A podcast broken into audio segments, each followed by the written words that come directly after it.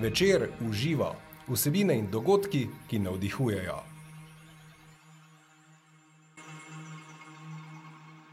Dobrodošli v novi epizodi podcasta Večer uživa. O praznini, ki poraja občutke otojenosti, nepomembnosti, ki povzroča izgubo življenjskega smisla. O tem bomo govorili tokrat. Zakaj se vedno več ljudi znajde v tovrstnih stiskah? Zakaj se občutek bivanske praznine, kot jo imenuje moj sogovornik, pojavlja že pri otrocih? Kaj oziroma kdo nam krade občutek izpolnjenosti, smisla, polnosti, povezanosti, živosti? To nam bo v tokratnem druženju pojasnil izredni profesor z področja psihologije, dr. Sebastian Kristovič. Dr. Sebastian Kristovič bo 3. junija ob 18. uri tudi gost večera užival v Narodnem domu v Mariboru. Bodite z nami tudi vi. Vstopnice vas čakajo na Eventimu. Dobrodošel, dr. Sebastian Kristovič, zdravo. Hvala za povabilo in lep pozdrav tudi vsem vam. Po dolgem času se zopet tako le vidiva v podkastu, kmalo tudi na dogodku, mi se ga že veselimo. Um, kako ste, kaj delate, kaj ustvarjate? Pravite, da je bilo vse čas te dve leti, ko se nismo družili, pri vas zelo aktivno, delovno. Ja. Ja, tudi jaz se zelo veselim tega srečanja, ponovno uh, uživo. Uh, kaj delam? Raziskovanja, predavanja, seminarji, delo s študenti, vse druge zadeve. V COVID času se je za mene, za nas kot visokošolsko institucijo, za mene kot profesorja, raziskovalca pravzaprav nič ni spremenilo, torej pogumno, veselo delamo naprej. Drugače sem dobro, sinoči sem se nekoliko predolgo v noč ukvarjal z Rodionom Romanovičem Razkolnikovom, tako da mi danes malo manjka, kakšna minutka spanca več. Sem se pa v teh dnevih zelo razveselil sončnih žarkov, sem namreč zaljubljen v vožnjo z motorjem in komaj čakam na prve resne kilometre. Ja, krasno. Ste tak zaprisežen motorist ne? in uh, potujete. Ja, meni to polni dušo, ja. motor je zelo fajn, vozim se tako lepo, umirjeno, po predpisih. Fajn je, da ni telefonov, ni klicev, ni glasbe in meni to res tako napolni dušo. Vidiš naravo, ne samo da vidiš, ampak si del narave, vonja, vonjaš, če je kje kakšen gost, vonjaš, če so kje kakšne kravice. Skratka, za mene, za moje srce je nekaj posebnega in v tem res uživam. In to je taki tisti skrivni malo odklop, da se človek malo notranje napolni z lepimi uh, vsebinami. Uh -huh. Taka, če, če ima človek takaj doživetja, zagotovo ne more govoriti, o čemer bomo mi dva danes govorili, o, uh, se pravi, o bivanski praznini, ki bo tudi tema, um, je tema vašega raziskovalnega dela, profesionalnega oziroma akademskega in bo tudi tema našega druženja na večeru v živo. Um, se pravi, bivanska praznina. To je v bistvu nek občutek otojenosti, nesmisla. Smo bili navajeni običajno pri, pri starostnikih, nas je skrbelo za detke, babice, um, ki nekako na, po naravni poti v starostnem obdobju nekako izgubljajo nek občutek oziroma um, to, ta sok življenja ne, in to veselje. Zaskrbljujoče pa je, kot tudi vi pravljate in ugotavljate, da ta smisel oziroma da se občutek uh, te bivanske praznine naseljuje tudi med otroke. Med otroke, zakaj kaj se dogaja, doktor Kristovič? Uh, ja, v zadnjih desetletjih uh, praktično smo priče to vrstnim pojavom, ki ste jih opisali, ki jih prej dejansko nikoli ni bilo. V zadnjih desetletjih se pa to nekako uh, intenzivira, uh, kar je po svoje nek paradoks ali pa vsaj zelo zanimivo, ker uh, Eh, če pogledamo sodobno družbo, eh, razviti svet, kot rečemo, razvita civilizacija, v narekovajih, dam, zato ker vprašanje, ali to je razvitost ali ne. Dejstvo je, da še nikoli v zgodovini človeštva razvitemu svetu nam ni šlo tako dobro, kot nam gre danes. Še nikoli nismo živeli v takšnem blagostanju, kot živimo danes. Po drugi strani pa še nikoli do sedaj ni bilo to vrstnih občutij, to vrstnih doživeti, od anksioznosti, depresij, ostalih duševnih stisk, obolenj, koliko je zasvojenosti, kemičnih, nekemičnih, agresij, depresij, anoreksij, bolimije, samopoškodovanje in še in še bi lahko uh, naštevali. In to ne samo, torej dejansko gre za vse generacije, tako za mlajše, pa nekako celo otroke, mladostnike in tudi uh, starejše. Recimo, vsako leto gredo milijoni in milijoni evrov za pomirjevala in antidepresive. Kaj se dogaja? A ni to čudno? Eh, se spomnim, da je bila v Sloveniji, v, v Sloveniji je bila ena gospa iz Darfurja mhm. in eh, ko so ji pokazali Slovenijo, naše lepote, Bled, Bohin, eh, Primorsko, Prekmurje in tako naprej, je bila v šoku, vzhičena, je rekla, vi živite v nebesih. Je rekla, kaj takega, to sem jaz samo po kakšnih fotografijah, ki je videla, ne se veš, kar Darfurjo, ne kako. Eh, umirajo, ker nimajo vode, ker nimajo zdravil in tako dalje, je bila čisto shičena, čisti sebe, res kot nebesa. Čez dan ali dva dni je pa izvedela, koliko je pri nas samomorov. Takrat je pa bila še bolj šokirana. In je tam vprašala, mene ni bilo zraven, je vprašala, pa zakaj se vi ubijate? Zdaj, kaj bi rekli? Kako, kako razložiti nekomu, ki prihaja iz drugega sveta, kjer je res umiral zaradi bolezni, ampak tam ni Indija, Afrika in tako dalje. Ne? Ampak tam ni samo moro, tam ljudje hočejo živeti in si polni življenja in polni strasti in imajo eh, nasmejane oči eh, in se čuti tega, ni, ta njihov, vi ste rekli, sok življenja. Ne? Torej, hočejo živeti, imajo to strast do življenja, vidijo eh, in vejo, zakaj živeti in imajo nek uh, smisel. Nimajo pa teh materialnih stvari, ki jih imamo mi danes. Torej, tu se kaže neki paradoks, neke, neke posebnosti. Uh, zdaj, en krivec so gotovo, uh, ste vprašali, kje so vzroki, en krivec so gotovo zasloni. Uh, mi imamo, se niti ne zavedamo, ampak mi imamo zasvojene celotne generacije otrok in mladostnikov. Uh, v svetu se govori, tudi sam veliko raziskujem to področje, o digitalnem kokainu in digitalnem heroinu, ker imajo zasloni na možgane približno enak vpliv kot trde droge. In kljub temu, kljub vsem, vsem tem škodljivim posledicam, jaz že vrsto let predavam po šolah in vrtcih na to temo, jih kar prepuščamo ure in ure tem zaslonom. Staršem se in jim puščajo z, uh, tablice, telefone v sobah, uh, samo če se dotaknemo, koliko je pornografije. 11-12-letniki, 11-12-letnice, tudi 9-letniki, letnice gledajo ure in ure pornografske vsebine, staršem se sanjane. In ko jih naučimo, kako pogledajo zgodovino, vam povem, očetje, mame, tri mesece ne pridejo k sebi. Naloga staršev je odraslih, da otroke obvarujemo teh vsebin, ker jim jaz pravim, jim prekurijo možgane. In to obdobje še je posebej pomembno, ker se vzpostavlja odnos do sveta, do življenja, do nasprotnega spola uh, in še in še bi lahko uh, naštevali. Skratka, Eh, kažejo vse raziskave, znanstvene, kažejo na tesno in neposredno zvezo, v znanosti govorimo o korelacijah med mhm. uporabo zaslonov in družbenimi omrežji ter duševnimi stiskami in boleznimi. Kot, kot so recimo eh, anksioznost, depresija, koliko je recimo samopoškodovanja. 40-50 odstotkov mladostnikov, mladostnic se reže, se zbada, režejo se po notranjih stranih stegen in tako naprej, da starši tega ne vidijo. A ni to čudno? Jaz pravim, da bi morali v državi vklopiti vse sirene in vse alarme in se vprašati, kaj gre na robe, ker nekaj očitno gre na robe.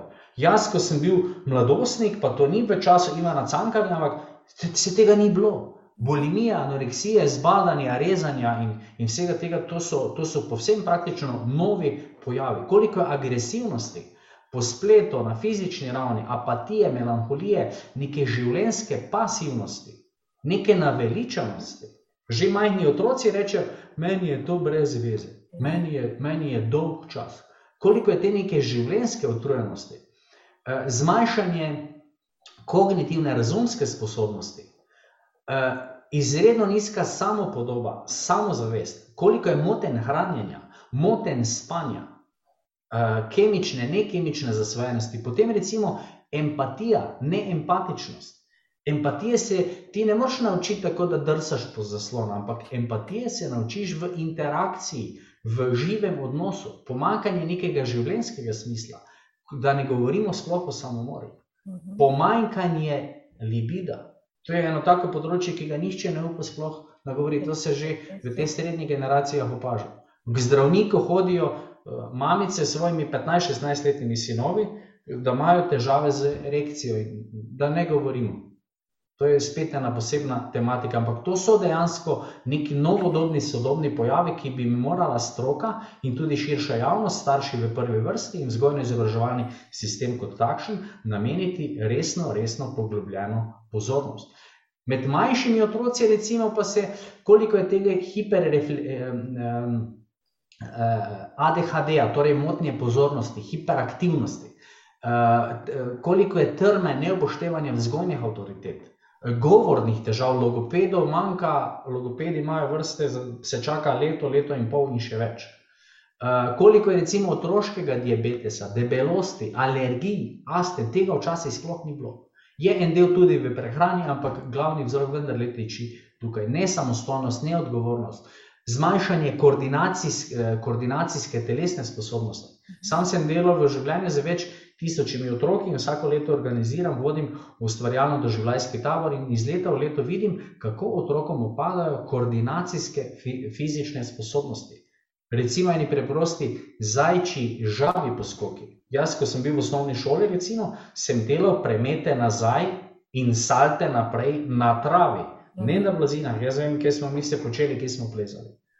Danes izredno, izredno delikatno področje. Koliko je te nervoznosti, nestrpnosti, da otroci ne znajo se usesti in v miru počakati. Mnoge raziskave tudi kažejo, da so ti simptomi enaki motnjam avtističnega spektra. Skratka, zasloni pravzaprav ubijajo otrokovo strast in otrokovo kreativnost, uničujejo tisto njihovo vedoželjnost, razposajenost popačijo pravzaprav ta občutek za lepo, razkrajajo občutek za to, da so nekaj posebnega, da so nenadomestljivega, da je vsak človek je nekaj posebnega, neponovljivega. In so iz tega vidika bi lahko rekli, da so zasloni pravzaprav mlade odtujili ne samo od drugih, ampak tudi od samega sebe.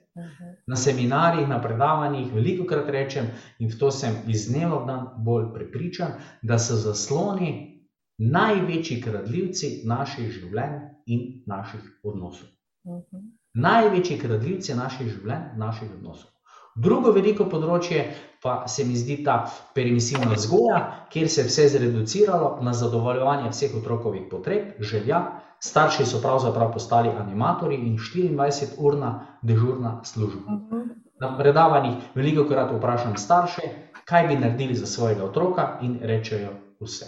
Mhm. In ravno tukaj je tisti izvirni greh, vse delamo ne samo za njih, ampak tudi na mesto njih, in smo jih na ta način uropali teh najdragocenejših življenjskih izkušenj, preko katerih bi jih opremili in pripravili za življenje, da bi se ga veselili in do njega doživljali neko strast in veselje. Obenem pa seveda tudi, da bi se zavedali, da morajo iz svojega življenja nekaj narediti, mu dati neko smiselno vsebino, zavihati rokave in od sebe nekaj dati.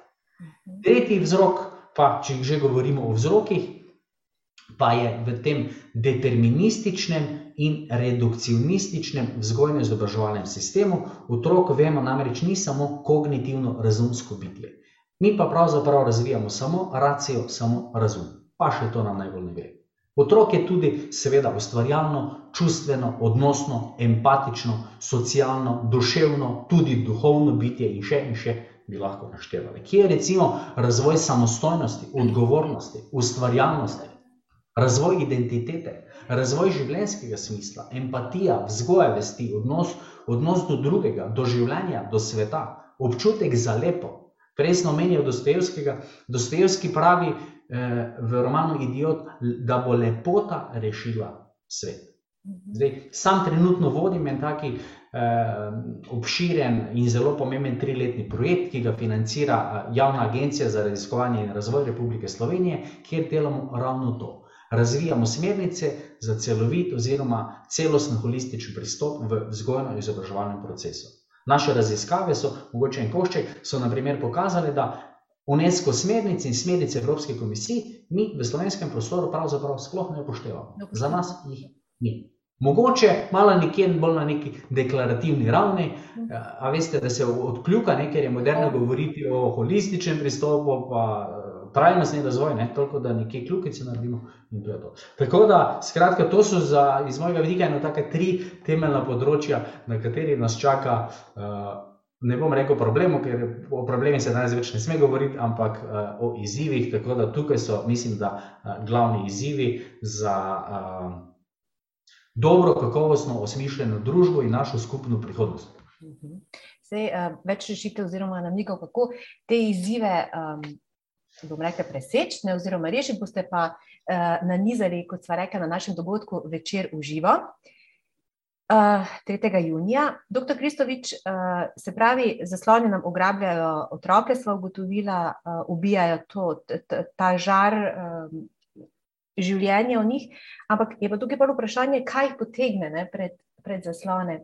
Pravite, starši bi mogli, pač moramo nadzorovati oziroma um, skrbeti za to, da se to ne, ne bi dogajalo, ampak kaj, ko smo starši oziroma so starši največkrat tudi sami prilepljeni ali pred zaslone, ali bežijo, ne vem, v nakupovalne centre, um, nekateri v duhovnost in od, se pravi, tudi to so neke vrste begi od nas samih in tudi zgled, ki ga dajemo otroku. Ne? In se pa ne smemo preveč čuditi. Starši se potem ne, ne sme preveč čuditi, zakaj je otrok tak. Ne? Sami smo isti. Uh, ja, podobni. Seveda, vse se začne in vse se konča uh, pri odraslih. Uh, lahko bi rekli, enkrat sem bil na sprehodu z ženo, pa smo se nekaj pogovarjali, ker je žena je psihoterapeutka. Uh -huh. Pa se pogovarjamo in je izgovorila en stavek, pa me je zelo zadev. In je rekla, ko se vklopi zaslon, se izklopi odnos. Ko se vklopi, ko se vklopi zaslon, se izklopi eh, odnos. Ja, jaz mislim, da.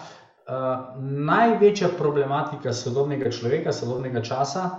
Uh, veste, danes pridemo na Mars, počasi se bomo začeli turizem, uh -huh. uh, pa na Luno, pa tehnologija je taka, ne, vidite, po drugi strani pa se uh, na barbarski način koljejo uh, v Ukrajini. Uh, kaj želim reči? Tehnologija je vrhunska, znanje ni, da ni vse razvito, ampak medosebni odnosi. To je najbolj podhranjeno in razbolelo uh mhm. -huh. področje sodobnega človeka, sodobnega časa, med osebni odnosi. Zato še pa nismo razvili aplikacije in je nikoli ne bomo za vso umetno inteligenco. Tu pa nam ne steče. Ali so to odnosi, kot se najprej se začne v družini, eh, s partnerjem, mož, žena, potem z otroci, ali je to kolektiv, sama veliko seminarjev za kolektive, vedno enako, rak, rano. Veliko krat dam izziv ali na seminarjih, ali v individualnih obravnavah, eh, da rečem, dajte preveriti, če ste zasvojeni za zasloni, recimo s televizijo, ne? se komu zdi smešno, kaj pa če živite s televizijo zasvojeni. Rečem, da je to isto kot pri alkoholu, ko žena reče, da mož ga preveč rada da na zob, mož seveda tega ne prizna. Uh, pa rečemo, da je narediti test. Dajte tri mesece niti kozarčka popiti. Ne? Zdaj, nekdo, ki nima težav z alkoholom, pač ne bo popil. Ne? Isto je pri televiziji. In rečem, dajte potegniti kabel od televizije za tri mesece ven. Ampak to pomeni, da recimo sprejmete pravilo, da po peti uri zvečer ali šesti uri ni nobenih eh, tablic, telefonov, nič. Ne da zdaj gledaš serije, pa Netflix na tablici, ne? to je nesmiselno. Ne? In kje se pojavi težava, kaj povejo? Ne? Da ni se težava, da ne bodo videli te in te vsebine, ampak težava je v tem, kaj bova mi dva zvečer počeli. Kakšno vsebino bova dala z ženo, ki zdaj pa ima dve, tri ure ali karkoli, pa tudi če je človek sam, vse pravzaprav gre za enako stvar. Ne? Kaj bom s tem časom naredil, zakaj ga bom uporabil? Pravzaprav zasloni so postali tisto mašilo, kot sem že prej povedal, so pravzaprav kradljivci življenja in naših odnosov in so mašilo za tisto, kar bi moralo biti, pa ni. In glavni izziv staršev, ko govorimo o problematiki zaslona, je to, ne samo, da jim prepovejo in da jim vzamejo, ampak kaj jim bodo dali tja na mesto tega. Zdaj smo pa spet pri naših medosebnih odnosih. In ni, jaz sem proti temu, ko se govori kvalitetno preživeti skupaj čas. Ne, ne kvalitetno, ker to je veliko krat ena taka tolažilna, da si malo peremo vest. Ne? Zdaj meni, pa, pa delam, pa meni doma, pa bom pa tiste pol ure pa res kvalitetno skupaj. Ne, kvantiteta je tudi pomembna. Pomeni biti čustveno na razpolago, da otrok, da partner čuti varnost, jaz sem tukaj. Mhm. Mi smo pa vse zreducirali, da moramo nekaj delati, pa se starši pootročijo, pa so neki čudni animatorji, pa tako naprej. Ne, ne. Otrok pri, ob sebi rabi nekoga, ki je za njega vzor, avtoriteta in ideal. In nekoga, ki ga lahko spoštuje. Tako da pravzaprav smo uh, mi tisti, ki smo prvi na potezi, ker uh, sina vendarle bolj kot vse na svetu zanima, kakšen si ti kot uh, oče, kot mama, kakšen si kot človek in ali sem lahko na tebe ponosen. Ker vsak, vsak otrok najbolj želi biti ponosen na svojega očeta, na svojo mamo. Uh, torej, pravzaprav spet govorimo o življenju, o vsebini življenja. Ker kjerkoli lahko goljufamo, v odnosih v življenju pa ne moremo, tam se pa goljufati ne da. Tam so pa karte zelo hitro se uh, odprejo. Uh -huh pa še kar ostaneva pri odnosih. Ključni so.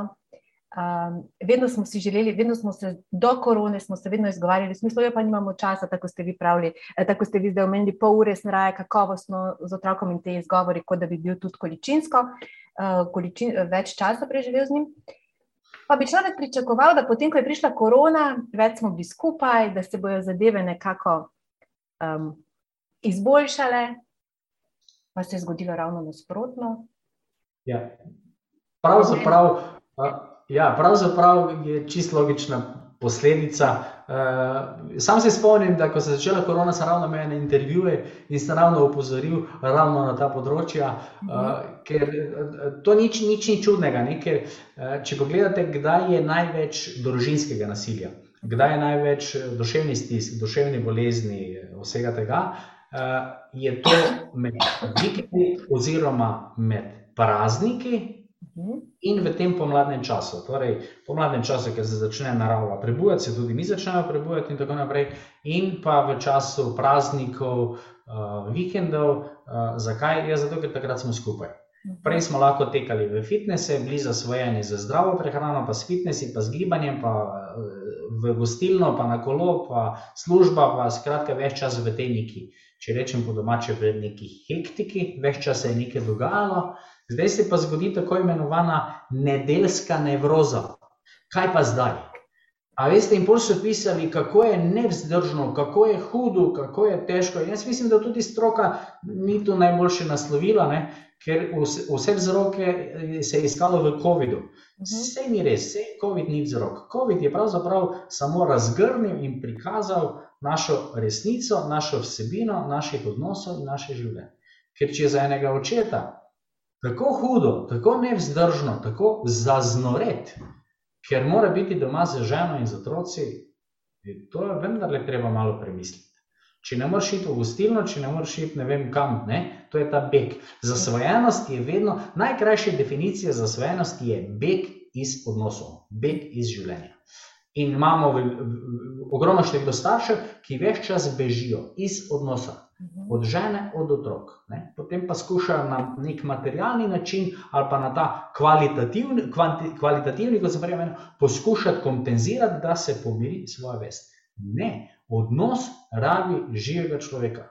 Jaz ne morem ženi reči, jaz pa grem zdaj v Avstralijo za eno leto, potem pa pridem domov za en teden in bo res kvalitetno tisti teden preživela, potem pa spet grem za pol leta. Ne morem tega reči. Oziroma, če bom rekel, bo rekla žena, veš kaj, pa kar ostane v Sydneyju. Ne? Ker za odnos je potreben živ človek in mlad človek rabi živega človeka, mamo in očeta, ki sta tam, ki ga, ne? jaz ko se rečem, oče mora biti doma in dela svoje stvari, mama je doma in dela svoje stvari, in otrok je doma in dela svoje stvari.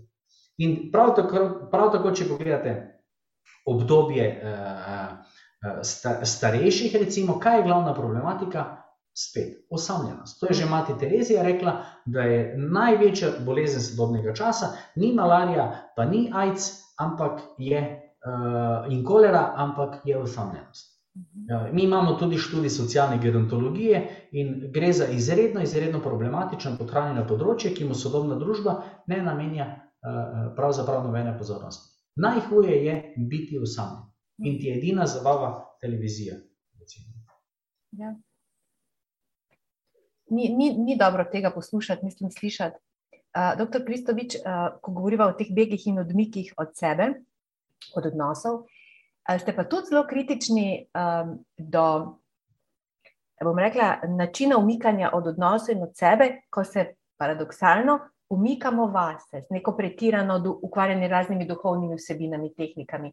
Um, Ko bi si človek mislil, da to pa vendarle krepi najprej odnos z nami, pa potem odnos z drugimi, kdaj, kak, kako, kdaj to ni v redu. Uh, ja, ja, jaz, ne bi, jaz ne bi dejal, da je to da ni dobro, je pa precej nevarno. Danes se veliko govori, veliko je te New Age duhovnosti, kot rečemo, mhm. veliko je tega, tudi strokovnjaki veliko govorijo o tem, da se, treba, da se je treba vzeti čas za sebe, da se treba sabo ukvarjati da sebe treba dati na prvo mesto in tako naprej. E, na prvi pogled to drži in človeka prepriča, ampak je tukaj veliko nevarnosti. Zdaj, v čem je ta temeljna nevarnost? Temeljna nevarnost, ki jo vidim uh, tudi tako pri delu z ljudmi, je, da človeka preveč usmerja v samega sebe. Torej, na nek način neki egocentrizem. Ne? V angleščini bi rekli me, myself and I. Torej, in gre hitro v neke pretirane analize. E, kaj čutim, kaj ne čutim, kako bi moral čutiti in kaj zdaj to pomeni, ker tako ne čutim in zdaj kako me vidijo drugi. Skratka, to neskončno ukvarjanje s samim seboj, te neskončne zanke, ki človeka vedno bolj vlečejo v samega sebe. Ne? Človek je vedno bolj zazrt se zazira v svoj popek in da imam, da imam ta notranji mir, pa notranjo srečo, pa, pa, pa zdaj sem pa našel, pa zdaj sem pa srečen, pa se ukvarjam sam s sabo. Ampak mm, jaz mislim, da je, eh, torej ne da bi bile te prakse a priori same po sebi napačne, ampak jaz mislim, da je en preizkusni kamen. In preizkusni kamen je, ali te prakse, ali ta duhovnost, to, kar dela, pa se nekdo sprevrne, pa najde Boga, pa eh, skratka vse to. Eh, je čisto legitimno, ampak temeljno vprašanje pa je, ali me to vleče vedno bolj v odnose, v konkretno življenje, ali me to vleče vedno bolj ven, v neki moj individualni mir. Jaz mislim, da je življenje tisto, ki pokaže, ali sem v redu ali pa ne. In če mi življenje kaže, da nisem v redu, ne vem, če bo pomagalo, da si bom lepo listke, da sem šampion, da sem v redu in tako naprej. Jaz mislim, da človek, človek preko svojih življenjskih aktivnosti, preko svojega dela dobiva tiste potrditve uh, in si gradi svojo identiteto in samo podobo in samo zavest. To se najbolj vidi pri mladih. Koli cele generacije se iščejo, vsi so zgubljeni. Pa rečem, kako se vi iščete? Oni hodijo to, oni diha tako, oni gre, mladi ljudje, veste, ne? se nekaj poslušajte, pazite, da še se bolj ne zgubite, kot ste že zgubljeni. Tam reči, povabi se šolko na kavo, pa se boš hitro našel. A, a veste, kaj želim reči? Ja. Pa idi malo v seveda si more, da se razumemo, vsi si moraš vzeti čas zase. Jaz osebno recimo, vsako jutro, preden grem na fakulteto, grem 5-6 km intenzivne hoje, pa še malo telovadbe in tako naprej tam gre drave, malo pozdravim labode, paračke, pa malo se tam zdaj vse cveti in tako in me to tako napolni, eh, psihično me relaksira, duševno, kaj lepega vidiš, da človek malo tako za letom začne eh, dan in tudi kisik pride v možgane in se drugače počutim. Nekdo tako, nekdo, nekdo drugače. Ne, ampak je pa zelo nevarno ta, ta zazrtost v sebe, v mojo duhovnost in tako naprej. Se spomnim enega očeta, ko je rekel, je rekel, mama dva mala otroka, žena pa hodi štirikrat na teden na te neke meditacije ali jogal, kaj je rekel, pravi zvečer ona pride domov, pa reče, da je polno notranjega miru, je rekel, jaz pa sem zvečer z otroci sam, pa jim mažem pašteto za večerjo. Zdaj, vprašanje, či je to dobro ali ne. ne? Eh, tako da tu mislim, da treba biti, da treba biti zelo previden. Spet je tukaj življenje in odnosi, tisto, kar me res v globini izpolnjuje, in tudi potem drugi to opazijo. Ne? Da je študent še boljši študent, da je mož še boljši mož, da še večjo pozornost da ženi da in tako naprej. Skratka, ne, ne, da, ne da se iti mimo te, te, te konkretnosti. Ne. Moje področje je logoterapija, Viktor Frankl in mene že od prvega dneva, še ko sem bil študent, me tako zagrabila pri njem ta jasnost, ta konkretnost. Mhm. Jasnost, konkretnost. tudi ljubezen, pogledajte. Ni dovolj, da nekdo reče nekomu, da ga ima rad, mož, žene, prijatelj. Ja, to se mora nekje videti. Mhm. Tudi roža je zelo fajn, ampak Ljubezen je tudi zelo materializirana, to pomeni tudi id pokositi, id nest smeti, narediti. Mame, ne, vse, ki ste mame, mame to dobro vejo, ne, kaj je ljubezen, koliko krat se treba vstati, skuhati kosilo in tako naprej. To je tista realnost. Ne, zdaj pa, da pa iščeš neko, neki idealizem, nekje v zraku, v neki mir. Jaz mislim, da je to mir, da se skuha kosilo, pa recimo otroci pojejo, pa rečejo, mami, dobro si skuhala, ali pa mož, ne, v tem smislu. Ali pa službi človek nekaj dobrega naredi, pa, pa imaš pa dober občutek. Ne. V tem smislu. Mislim, da nam tu malo zmanjka. Uh mhm. -huh. Življenje. To je, to je tako, ne? kot študent, ko bi moral študirati, potem si celo sobo pospravi, pa vse predale, pa vse začne motiti. Ne? Mi veliko krat delamo kakšne dobre stvari, mogoče pa ne ravno tisto, kar bi morali. Pa, ker smo vsi zapeljani v to logiko, uh, da treba uživati, pa se ne fajn. Jaz mislim, da to ni dobra, dobra perspektiva, ker v življenju treba veliko krat delati določene stvari in narediti tiste stvari, ker je tako prav. Nekaj ni paše in mislim, da je ta logika te, veste, teh motivacij, pa sreče, pa srečnosti, pa, da, pa ne najdem motivacije, da je to precenjeno. Mislim, za koliko stvari pa v življenju človek nima motivacije. Je pa kaj se če že s tem ukvarjati, če imaš motivacijo ali nimaš motivacije. Stvari ene preprosto treba narediti. Mhm. Ker je treba narediti. Pika. Torej, ker je tako prav. In mislim, da to treba biti tisto, uh, tista neka vizija, perspektiva. In mislim, da je to tudi tisto, tista stvar ali področje, uh, ki bi ga morali prenesti na naše otroke, na naše mladostnike, pa tudi v študentih, če že govorimo. Da ene stvari treba preprosto narediti, tudi če ni motivacije. Mhm. Odlično. Uh. Jaz verjamem, da nam bo uspelo. Uh, in uh, jaz vabim vse naše poslušalce, kot smo že rekla, gledalce, da pridejo po, kako ne rečem, neko dozo, oziroma po, po, m, po nasvete in konkretne rešitve tudi na dogodek, večer užival. Se pravi, 3. junija v Narodnem domu v Mariboru ob 18. uri. Povejte nam, dr. Kristovič, vsega ne smeva razkriti. Zdaj smo zelo, zelo dobro se uh, zanalizirali, se pravi, trenutno stanje, problem. Um, da vam mogoče samo malo namig, kaj, kaj bomo slišali vem, um, na dogodku. Da, da dava kakšno višnjo ali jabolko. Tako, češnjo ali karkoli. Ja, to so res take življenjske tematike, o katerih ja. bi se dalo ure in ure eh, govoriti in eh, razpravljati.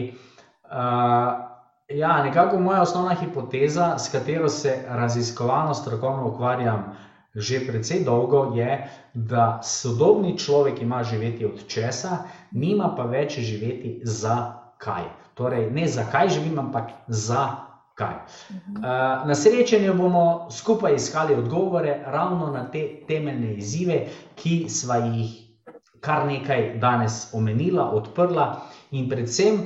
Eh, kako in na kakšen način priti do zadovoljnega in s smislom izpolnjenega življenja. Eh, sam namreč mislim, da ni srečen tisti, ki je uspešen, temveč je uspešen tisti, ki je srečen. Namen našega srečanja je, oziroma bo ravno to, ta košček mozaika k usmišljenemu, izpolnjenemu in zadovoljnemu življenju. Tako da se veselim in že komaj čakam. Hvala lepa, tudi mi. Um, juni bo kmalo tukaj. Jaz vam zahvaljujem za pogovor, želim vam vse dobro. Um, veliko, tako bom rekla, srečnih, um, ja, varnih in lepih trenutkov na motorju. Uh, hvala tudi vam za povabilo. Uh, vse dobro, lepe sončne dneve in čim več. Eh, eh, lepih, čudovitih eh, in usmišljenih trenutkov vam in vsem vašim bralcem in slušateljem. Še enkrat vas vabimo na druženje večer v živo z dr. Sebastianom Kristovičem, ki bo 3. junija ob 18. v Narodnem domu v Mariboru. Vstopnice vas čakajo na Eventimu. Tudi tokrat sem bila z vami Maja Furman, Srčno in srečno, dok malu.